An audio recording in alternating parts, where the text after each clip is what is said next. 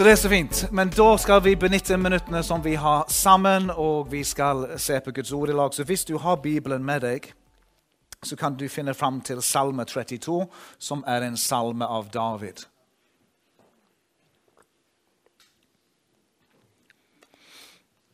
Salme 32, og da sier og skriver David følgende Salig er den som har fått sin overtredelse tilgitt og sin sinn dekket over. Salig er den mann som Herren ikke tilregner misgjerning, og som er uten svik i sin ånd. Så lenge jeg tidde, blei mine bein bortært, idet jeg stønnet hele dagen. For dag og natt lå din hånd tungt på meg. Min livskraft svant som i sommerens tørke. Min synd bekjente jeg for deg, og min misgjerning har jeg ikke dekket over. Jeg sa, jeg vil bekjenne mine overtredelser for Herren, og du tilga meg min syndeskyld. Derfor skal hver gudfryktig be til deg den tid du er å finne. Sannelig, selv når mektige vannflommer kommer, så skal de ikke nå fram til ham. Du er mitt skjulested for trengsel. Bevarer du meg med frelsesjubel, omgir du meg jeg vil rettlede deg og vise deg veien du skal gå. Jeg vil gi deg råd med mitt øye. Vær ikke lik hesten eller muldyret som ikke har forstand. Med bissel og tømmer må de styres, ellers vil de ikke komme nær deg. Den ugudelige får mange lidelser, men den som stoler på Herren, omsluttes av miskunn. Gled dere i Herren og fri dere, dere rettferdige, og juble av glede, alle dere oppriktige av hjerte. Skal vi be sammen? Far, vi priser og vi takker deg. Vi takker deg for en åpen himmel over dagen, over samlingen, og vi ber Helligånd, må du la ditt lys skinne over ordet. Må du gi oss ører som hører, hjertets øyelys. Og må ditt ord plantes i våre hjerter i vårt liv denne søndagen. Må det berøre oss på både områder hvor vi trenger korrigering, og områder hvor vi trenger trøst, og områder hvor vi trenger håp og tro og fornyelse. Vi takker deg for alt dette i Jesu Kristi navn. Og alle folket sa Amen. Sir Arthur Conan Doyle, som skrev Sherlock-bøkene, var litt kjent for å like sånne små, hverdagslige vitsespøk blant sine venner. Og En gang så, og dette er en sann historie, en gang så skrev han tolv korte, anonyme brev til tolv av sine venner. Og på disse tolv brev så skrev han følgende.: Alt er oppdaget. Hvis jeg var deg, ville jeg ha forlatt byen øyeblikkelig. Og det sies at de tolv vennene som mottok brevene, forlot byen øyeblikkelig. Det er noen som løper fra sin dårlige samvittighet, som har ting som er skjult, som de er redd for at skal bli kjent for alle. David i kapittel 11 av 2. Samuels bok han er på sitt aller beste, på sitt aller høyeste. Hvis du følger Davids liv, så har han ført tabernaklet tilbake til Jerusalem. Du kan lese om hans store raushet og sjenerøsitet mot Mefibosjet.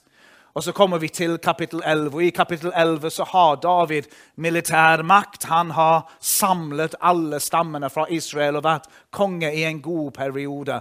Han føler at han er nesten uh, uberørlig. Han er sterk, han er komfortabel, men samtidig så er han sårbar. Militært sterkt, men hjertet hans er sårbart. Og på et tak i Jerusalem på en fin vårdag så kikker han ut fra taket, og på taket så ser han en vakker, naken kvinne. Og på den kvelden så begynner hans moralske konkurs. På den dagen så tar David et valg som kommer til å føre til utroskap, svik og drap som ødelegger hans liv, som ødelegger Batsebes liv, som avslutter Urias liv og flere mennesker i hans eget hær. Og over et år fra den dagen han var sammen med Batsebe, så lekte David som om dette var jo ingenting. I en lang lang periode så lekte David som om det han hadde gjort, hadde ikke skjedd. Han lekte rollen som rettferdige, god konge i over et år etter gjerningen mot Bat-Seba. Inntil vi kommer til kapittel 12 av 2. Samuels bok.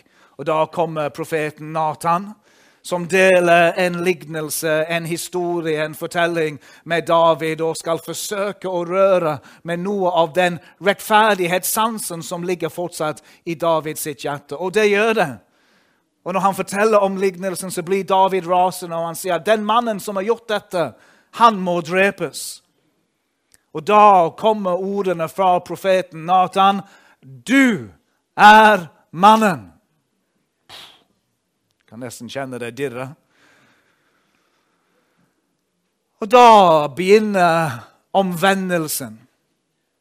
Da skjer det noe med Davids hjerte, hvor David har gjemt seg og lekt og vært en hikler i over et år. Så sier David noen enkle ord i 2. Samuels bok, kapittel 12. Jeg har syndet mot Herren. Og Når han sier disse ordene, så får vi vite litt mer om hva han legger i disse ordene når vi leser Salme 51. Salme 51 er eh, omvendelsesbønnen til David som du kan lese, som vi alle sammen kjenner litt. Grann. Salme 51. Men Salme 32 er del to av Salme 51, kan du si.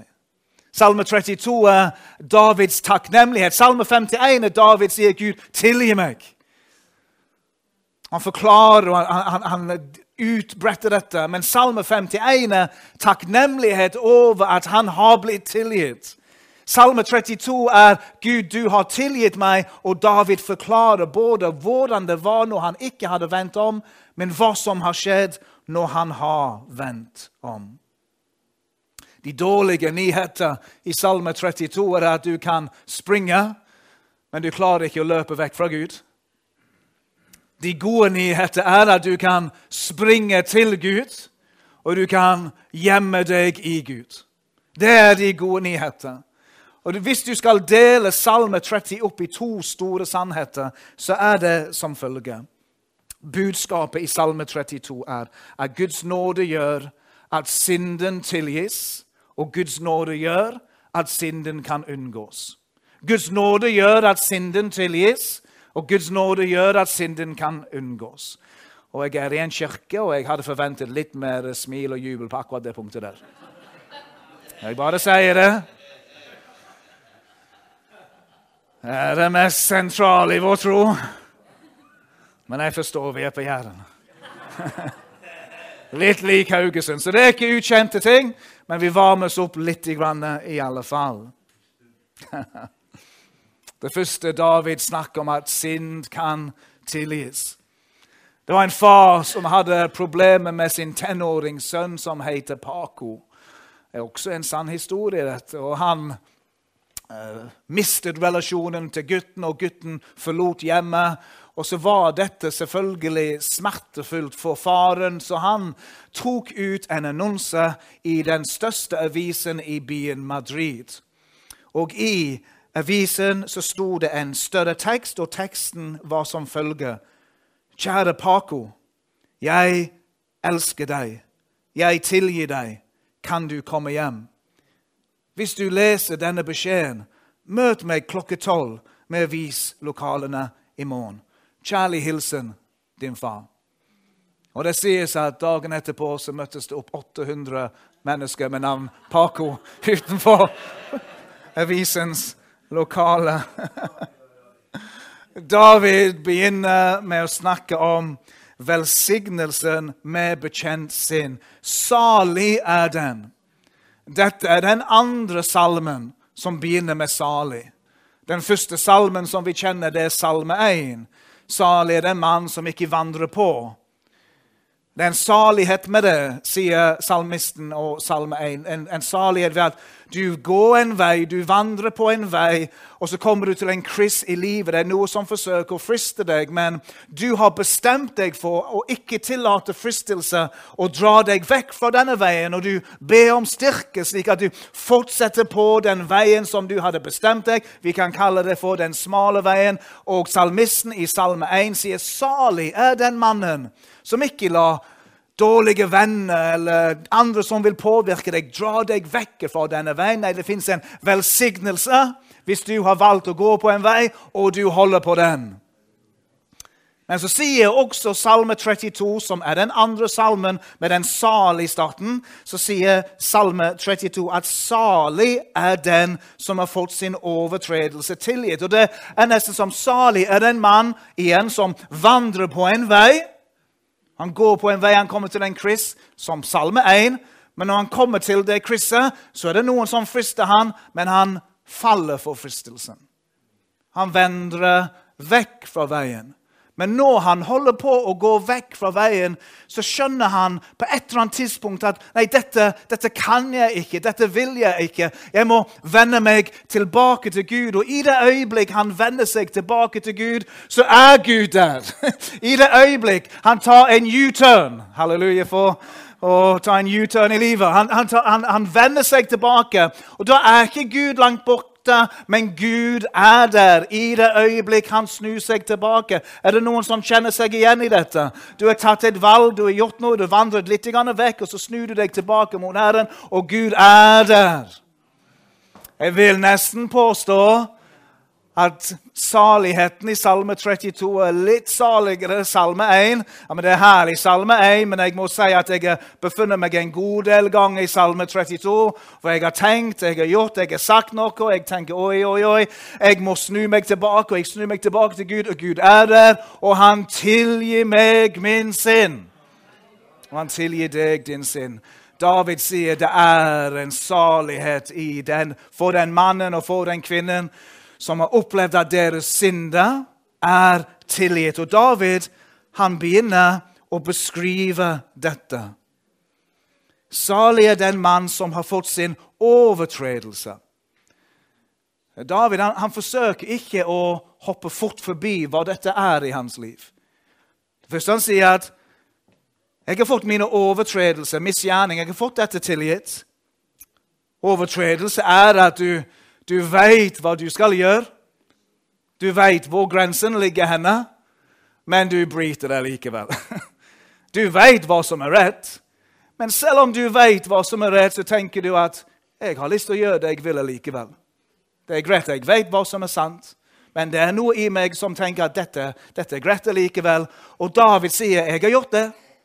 Jeg, jeg, har gjort overtredelse. Jeg, jeg, visste hva som var sant. Jeg, jeg, kjente til loven, og selv om jeg kjente til loven, så gjorde jeg det likevel. David sier det er meg, det. Jeg kjenner meg igjen i dette. Og så sier han at jeg har gjort synd. Jeg tror de aller fleste har hørt eh, definisjonen på synd som er å bomme på målet et, et dekkende begrep om alle de forskjellige måter som vi kan tenke både det vi skal gjøre eller ikke skal gjøre. Gjøre ting, si ting, tråkke over grenser. David sier det, det er meg, det òg. Jeg har også gjort det. Jeg har bommet på målet mange ganger. Overtredelse, synd. Jeg har gjort det. Og så sier han misgjerninger. Misgjerninger handler om at under huden min Og Det handler om den sindige naturen i meg. altså At det, det er noe i meg som er bøyd innover. Det, det, er bare det er et eller annet i systemet mitt, i DNA-et mitt, i, i, blodet mitt, som, som, trekkes mot dette, som, som, jeg gjør det jeg ikke skal gjøre. Det, det er i meg. Og igjen, David sier det er meg, det også. Men ikke nok med det. David sier at det er også den mannen som er uten svik i sin ånd. Uten svik. Ja, David hadde ganske mye svik, han. Han levde som en skuespiller i over tolv måneder og tenkte at dette slipper jeg unna med. Gud er stille, ingen kjenner til dette, Uri er borte. Jeg kan bare late som det er ingen som veit. Om jeg viser meg som om den frommeste og fineste og løfter hendene mine, men jeg har gjort det, det har ingenting å si. Men David sier det, det, det har jeg også gjort. Jeg har vært en hikler. David visste at han var en kandidat for Guds dom. Og David sier at det jeg fortjener, det fikk jeg ikke. Halleluja. Det er egentlig det David sier her. At alle hans gjerninger og hvordan han levde, både det han gjorde mot Batsebe og Juri og andre, at han skjulte disse tingene. Han sier, 'Jeg fortjente en Guds dom. Jeg fortjente noe fra Gud som ikke var bra, men jeg fikk det ikke.' Jeg er velsignet fordi at jeg fikk ikke det jeg fortjener. Jeg gjorde overtredelse, men Gud la det ikke på regningen min. Jeg hadde synd, men det er dekket under lammets blod. Jeg hadde misgjerninger, men det ble ikke tilregnet meg. Det er ikke på min kvittering. Jeg hadde det i meg, men jeg har blitt tilgitt. Jeg er velsignet fordi det jeg skulle fikk, det fikk jeg ikke. Men det jeg fikk, det var Guds nåde, det var Guds tilgivelse, og jeg er salig. Veit du hva det er å være velsignet? Ja, du kan ha din bil, og du kan ha ditt hus, og du kan ha dine kyr. ikke vet jeg. Du kan ha dine lam, du kan ha ditt hus og hytte og ferie og hva som måtte være. Men det er ingenting som er saligere for den som tror, enn å vite at du er tilgitt for dine synd. Det er ingenting herligere. Synden er naglet til korset. Førtid, nåtid og framtid. Salig er den mann eller kvinnen som har fått sine synder tilgitt. Det er vers 1 og vers 2. Og Når vi kommer til vers 3 til 5, så begynner David og fra høyden som han er på nå Han er på fjellhøyden og gleder seg over den byrden som er borte. Men så begynner David å reflektere og tenke tilbake til den dalen som han var i den mørke tiden hvor han syndet med Batseba, og hvordan han kjente det i de månedene når han skjulte sin synd, hvor han levde som en hykler. Og i vers 3 så beskriver David syndens fangenskap. Han beskriver hvordan synden gjør at du opplever deg bundet hvordan synden stjeler noe fra deg. Og han begynner med disse enkle ordene i vers 3. Så lenge jeg tidde. Så lenge jeg tidde. Jeg tror at David bare tenkte at ja, ja, Gud sier ikke noe, jeg sier ikke noe heller. Jeg, jeg tror David tenker sånn ja, det er ingen som sier noe om dette. Jeg har ikke tenkt å si noe, jeg heller. Så vi, vi, vi later som ingenting. Vi, livet går videre så lenge jeg tidde. Men poenget til David er at selv om han var taus, og selv om han latet som om alt var fint på det ytre, så hadde hans sinn, han skjulte sin, en konsekvens på hans helse. Du kan nesten si at David sier at 'jeg ble gammel før min tid'. Det er jo slik han beskriver det. At han sier at blei mine bein bortert idet jeg stønnet hele dagen. For dag og natt lå din hånd tungt på meg. Min livskraft svant som i sommerens tørke. David han sier dette, dette med at jeg skjulte min sinn, dette med at jeg ikke vendte om og søkte nåde, at jeg ikke var ærlig med hvordan det var i mitt liv, det preget min fysiske helse, men min mentale helse, min emosjonelle helse. Ja, det berørte alle områder i mitt liv. Ja. Jeg lurer på iblant at vi burde søke Herren istedenfor terapi. Iblant søker vi samtale og terapi for å få oss til å føle oss bedre. Iblant, det treng, jeg sier ikke at det ikke trengs.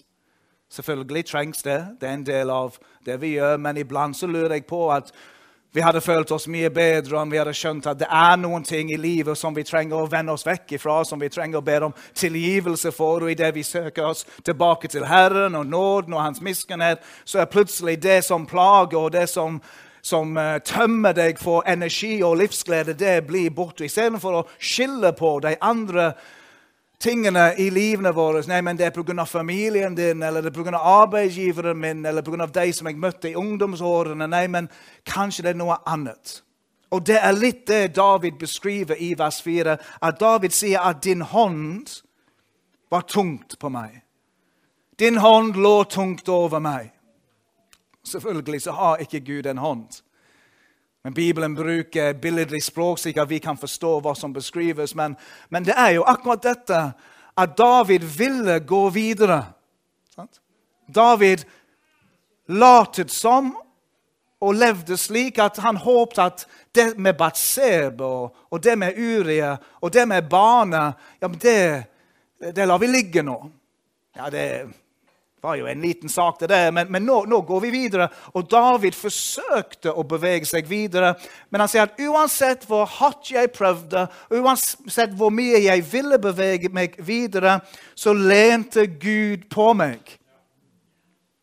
Gud lente på meg.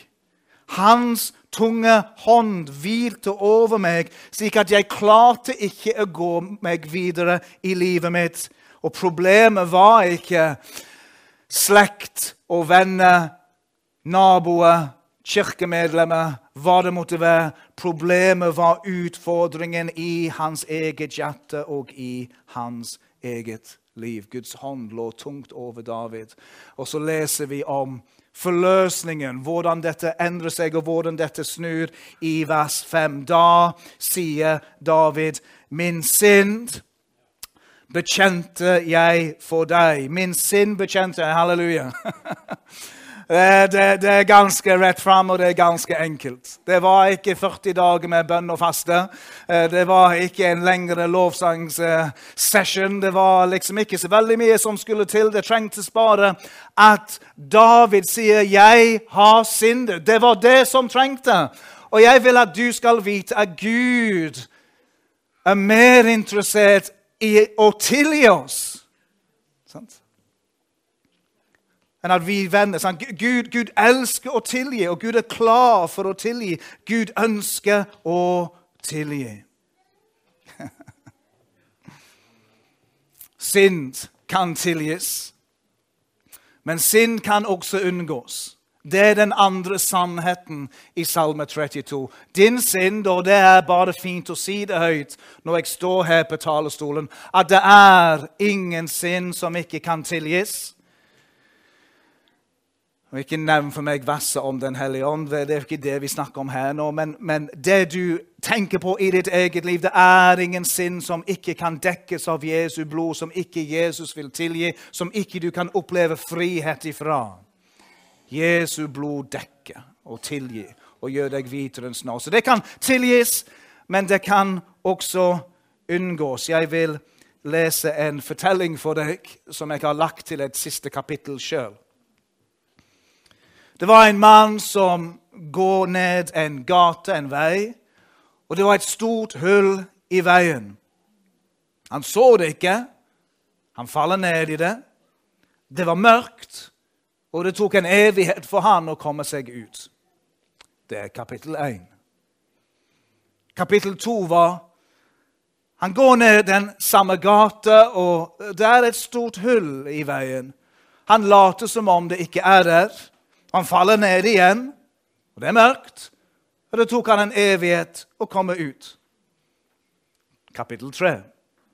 Han går ned den samme gata igjen, og det er fortsatt et stort hull i veien. Han veit det er der, men faller inn likevel. Det er ikke hans skyld. Det er en vane han har. Men nå veit han veien ut, i alle fall. Han går ned den samme kapittel 4. Han går ned den samme gata. Det er et stort hull fortsatt der. Han går forsiktig rundt hullet, slik at han ikke faller inn i hullet midten kapittel. kapittel 5. Jeg gikk ned en annen gate. Det er kapittel 5. Jeg gikk ikke ned den gata som mannen gikk ned alle de gangene. Du kan velge å gå ned en annen vei. Du kan velge å gå ned en annen gate. Altså om det er veier i ditt liv, områder i ditt liv hvor du vet her er et hull.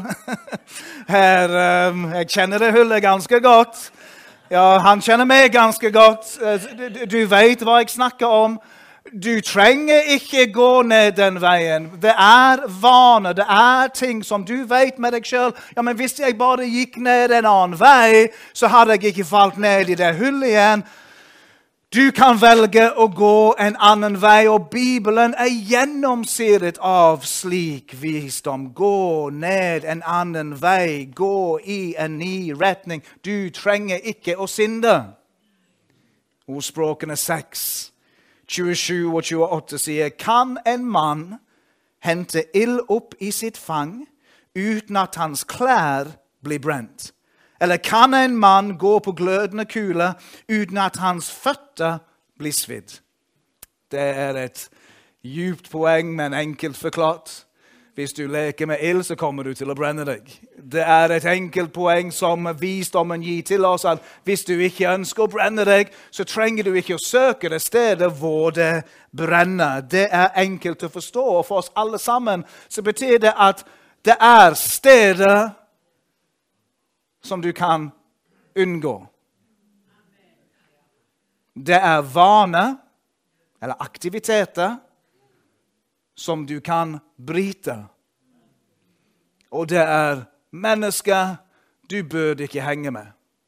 Du vet dette fordi at de har en type påvirkning på deg som drar deg i en annen vei, som forsøker å få deg til å ta brennende ild opp på fanget ditt og ødelegge klærne dine, slik som vi akkurat har lest. Dette er visdommen som David begynner å gi til oss. At det er om, om vi synder, og vi vet alle sammen at vi blir ikke fullkommen før vi kommer til himmelen. Og vi kan alle snuble. Vi kan alle gjøre ting som vi vet er en synd, som vi angrer på. Men om vi er klar over at det fins type blindsone eller akilleshæl eller synder som vi gjentar igjen og igjen og igjen, så er visdommen at dette kan unngås. Kan jeg få en halleluja? Det kan unngås. Det er håp i Kristus. Han kan bryte lenke og bånd. Og du trenger ikke gå ned den veien. Du kan skru av PC-en. Du kan bytte kanal. Du kan unngå det mennesket som drar deg inn i sladder og hva det måtte være. Halleluja.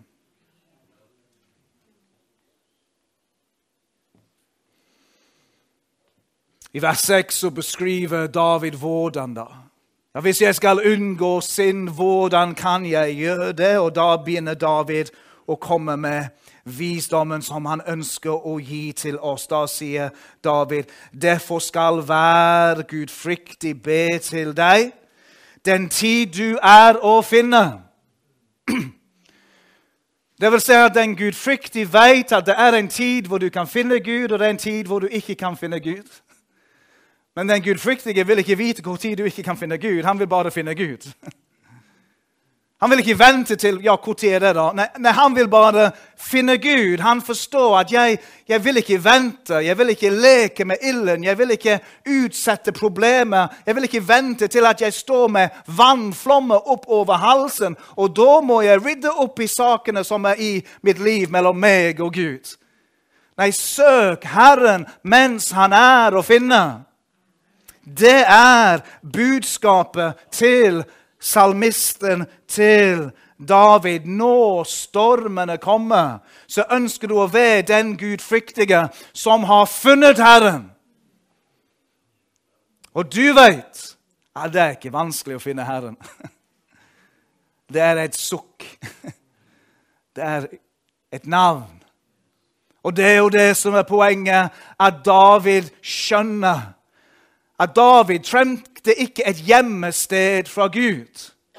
David trengte å gjemme seg i Gud. Han trengte ikke et hjemmested, han trengte en hjemmeperson. Og den hjemmepersonen, det er Jesus Kristus. Altså Når du går gjennom vanskelige tider eller situasjoner som frister deg, hvor springer du først? Blir du så vant med hullene at du bare Ja, ja. Jeg veit hvordan denne fortellingen ender, så jeg bare faller ned igjen. Eller kanskje denne prekenen vil komme som en påminnelse til deg når de situasjonene og fristelsene kommer, så vil du huske mine ord som sier nei, i det øyeblikket fristelsene kommer, så er han å finne. Usch. Det er høst.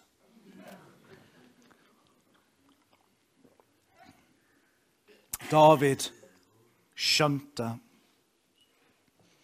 at Gud var hans skjulested som han trengte hele tiden. At han forsøkte å springe fra Gud, men hele tiden så kunne han ha sprunget til Gud og oppdaget at Gud var hans skjulested. Det var en søndagsskole, og det var en søndagsskolefrøken som eh, snakket om at Gud ser alle ting. Da spurte søndagsskolelæreren er det noe som Gud ikke ser. Da var det ei jente som løftet opp hånda si og så sa frøken, ja, jeg, jeg veit noe som Gud ikke ser. Ja, hva, hva, er det, da? Jo, det er min sinn når det er dekket under Jesu blod. Halleluja. Det var et bra svar. En uh, unge teolog i søndagsskolen. Og det er sant at når våre synder er dekket under Jesu blod, så ser Gud ikke dem lenger. Vi kan Ja, men Gud, hva med dette jeg gjorde? Hva med dette jeg har sagt? Men, og Gud sier, jeg, jeg, jeg aner jo ikke hva du snakker om, for dette er glemt. Det er kastet i glemselens hav. Dine synder er tilgitt. Du er en av de som er salige.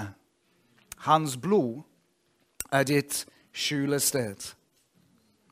Vers 7 sier David, 'Du er mitt skjulested'. Fra trengsel bevarer du meg. Med frelsesjubel omgir du meg. Kommer David med et lite råd igjen. Han, han gir oss litt visdom hele veien her. Jeg vil rettlede deg, vers 8. Jeg vil rettlede deg og vise deg veien du skal gå. Jeg vil gi deg råd med mitt øye. Vær ikke lik hesten eller muldyret som ikke har forstand. Med bissel og tømme må de styres, ellers vil de ikke komme nær deg. Hva er det David sier her? David sier ikke, ikke bli som meg. Ikke bli som en vill hest. Når du kommer i sesonger av ditt liv hvor du merker at nå, nå, nå er jeg litt ute å kjøre. Nå er det ikke veldig gode ting som skjer på innsiden av deg. Bare husk, ikke vær som en vill hest og springe av gårde. Men heller ikke vær som en esel og vær sta Når du snubler, at du skal i alle fall ikke vende om. Du skal i alle fall ikke finne Gud. Du skal Nei, jeg skal holde fast ved dette, jeg. David sier, ikke bli som hesten, og ikke bli som eselet. Og hvorfor skal du ikke bli det? Ja, fordi ja, Gud Gud vet hvordan han skal få, få, få, få styr på deg. Gud vet hvilken knapper han skal trykke på for å få deg på plass igjen. Men det slipper vi. Når vi springer til Han for Hans miskunnhet og for Hans nåde. Vers 10. Den ugudelige får mange lidelser, men den som stoler på Herren, omsluttes av miskunnhet. Hvilket bilde? Hvilket bilde dette er for den som tror? At ditt liv er omsluttet av Guds miskunnhet, av Guds nåde. At Gud er rundt deg på alle sider. Den som stoler på Herren, omsluttes av miskunnhet. Da kommer vi til det verste som alle på Jæren og Haugesund elsker. Og da kommer salmisten til slutt med responsen på at vi er tilgitt. Hvordan skal den som er tilgitt, respondere på sannheten om at jeg er salig, og at mine synder er dekket over? Hva, hva, hva er den sunne, gode responsen da, sier salmisten? Gled dere i Herren og fri dere! Halleluja. Det er liv. Gled dere i Herren, fri dere. At gleden er det som skal kjennetegne og preges også vi som bor i kalde nord. Halleluja. Om vi bor på Jæren eller Haugesund eller på Sunnmøre eller Nord-Norge, uansett hvor kaldt det blir i vinter, uansett om du er introvert eller ekstrovert, dette, dette, dette, handler ikke om personlighetstype eller hvor du er født, eller hvilken familie du er fostret opp i. Nei, dette har med at du tror på Herren. Og når du tror på Herren, så er det noen deler av det å tilhøre Gud som er det naturlige for oss, som sømmer seg for den som tror. Og det sømmer seg for den som tror daglig. Når du vet at du er salig fordi du er tilgitt, så sømmer det seg at du gleder deg i Herren. Ja, si det til ditt ansikt nå. Kom an. Kom an. En sånn djup, djup glede. En djup som er så djup at mitt ansikt ikke vet han er der. Men det er veldig langt ned i magen min. Nei, du må si det til ansiktet ditt iblant. jeg sier dette til min forsamling også. altså. Er, eh, iblant så lurer jeg på det, ja, nei, jeg skal, ikke, jeg skal, ikke, gå inn på det, for det legges ut på podkast. Så jeg må være forsiktig nå. man er alltid litt mer fri på bortebane enn man er på hjemmebane. Men det er klart at når vi kommer sammen på søndagen Og dette tror jeg Magnus er enig med meg i. Jeg ser hans kone her, så du kan sjekke med han. Men eh, det er klart at vår gudstjeneste skal være lent inn mot glede. Vi feirer. Det, det er gudstjenestefeiring. Vi feirer at Jesus lever. At han beseirer døden, synden og djevelen. Og at vi, når vi kommer sammen, at denne samlingen skal være preget av genuin glede. Ikke at jeg sier 'vær glad nå', da. Det, det, det, er ikke det jeg snakker om, men at, at, når jeg ser sannhetene i Guds ord, at jeg vet at dette er sant for meg også, så kan jeg glede meg i Herren. Men David han er ikke ferdig. Det gled dere og frid dere. Dere er ferdige, han er fortsatt ikke ferdig, for han fortsetter å legge litt på. Og han sier 'og jubla' av glede. Nå er vi på gyngende grunn, ser jeg. Altså, Jeg vet jeg strakk oss ganske mye på det første punktet, men uh, nå må du roe deg ned. Du blir ikke invitert her igjen.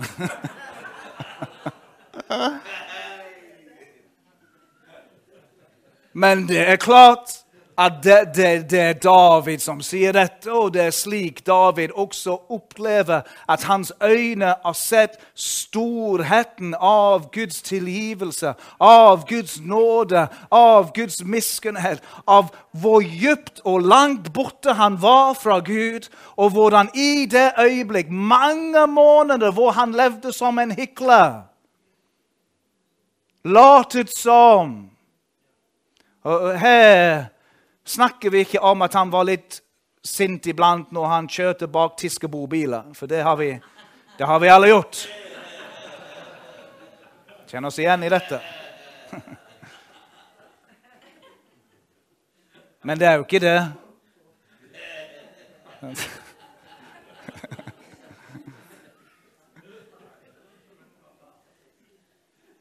For David så var det utroskap. For David så var det drap. For Davids hjerte var mørk, mørk, mørk. Han var ikke den David som vi kjente som en mann etter Guds hjerte. Dette var ikke David som stolte på Gud. Dette var David som var en overgriper, og som var en morder. Men også for ham så rakk Jesu blod. Uansett hvor langt han sprang, så gikk Guds nåde enda lengre. Jesu blod som dekker alt. Og det er av konteksten og sammenhengen at David sier 'gled dere', 'fri dere', 'juble'. ai, ai, ai.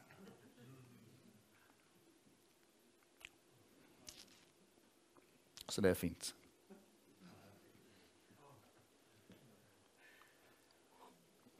Det er sant at det er umulig Nå snakker jeg ikke om, om hvis du har lidelse med, med, språk og sånt, men det er umulig å juble uten å åpne din munn og si noe. Det er ikke mulig. Det, er, det er ikke nok med en smil. Men du sier noe. 'Takk, Jesus'. Takk for din godhet, takk for din trofasthet, takk for din tilgivelse. Takk for det du har gjort. Det er godt for din sjel og ditt hjerte å åpne min munn. Det er derfor vi synger. Men vi holder det ikke til bare kun når vi synger, men også når vi hører ordet. Og det er noe av det du hører, som er sant, og som treffer deg. Så kan du si takk, Jesus. Jeg lover deg, Jesus. Du er en god Gud. Hjelp meg, Jesus. Åpne mine øyne, Jesus. Fyll meg, Hellige Ånd. Dette er sant. David forsto kraften i blodet. At han kunne springe til Gud, gjemme seg i Gud, at synder kunne tilgis, og at synd kunne unngås. Amen. Oh, Amen.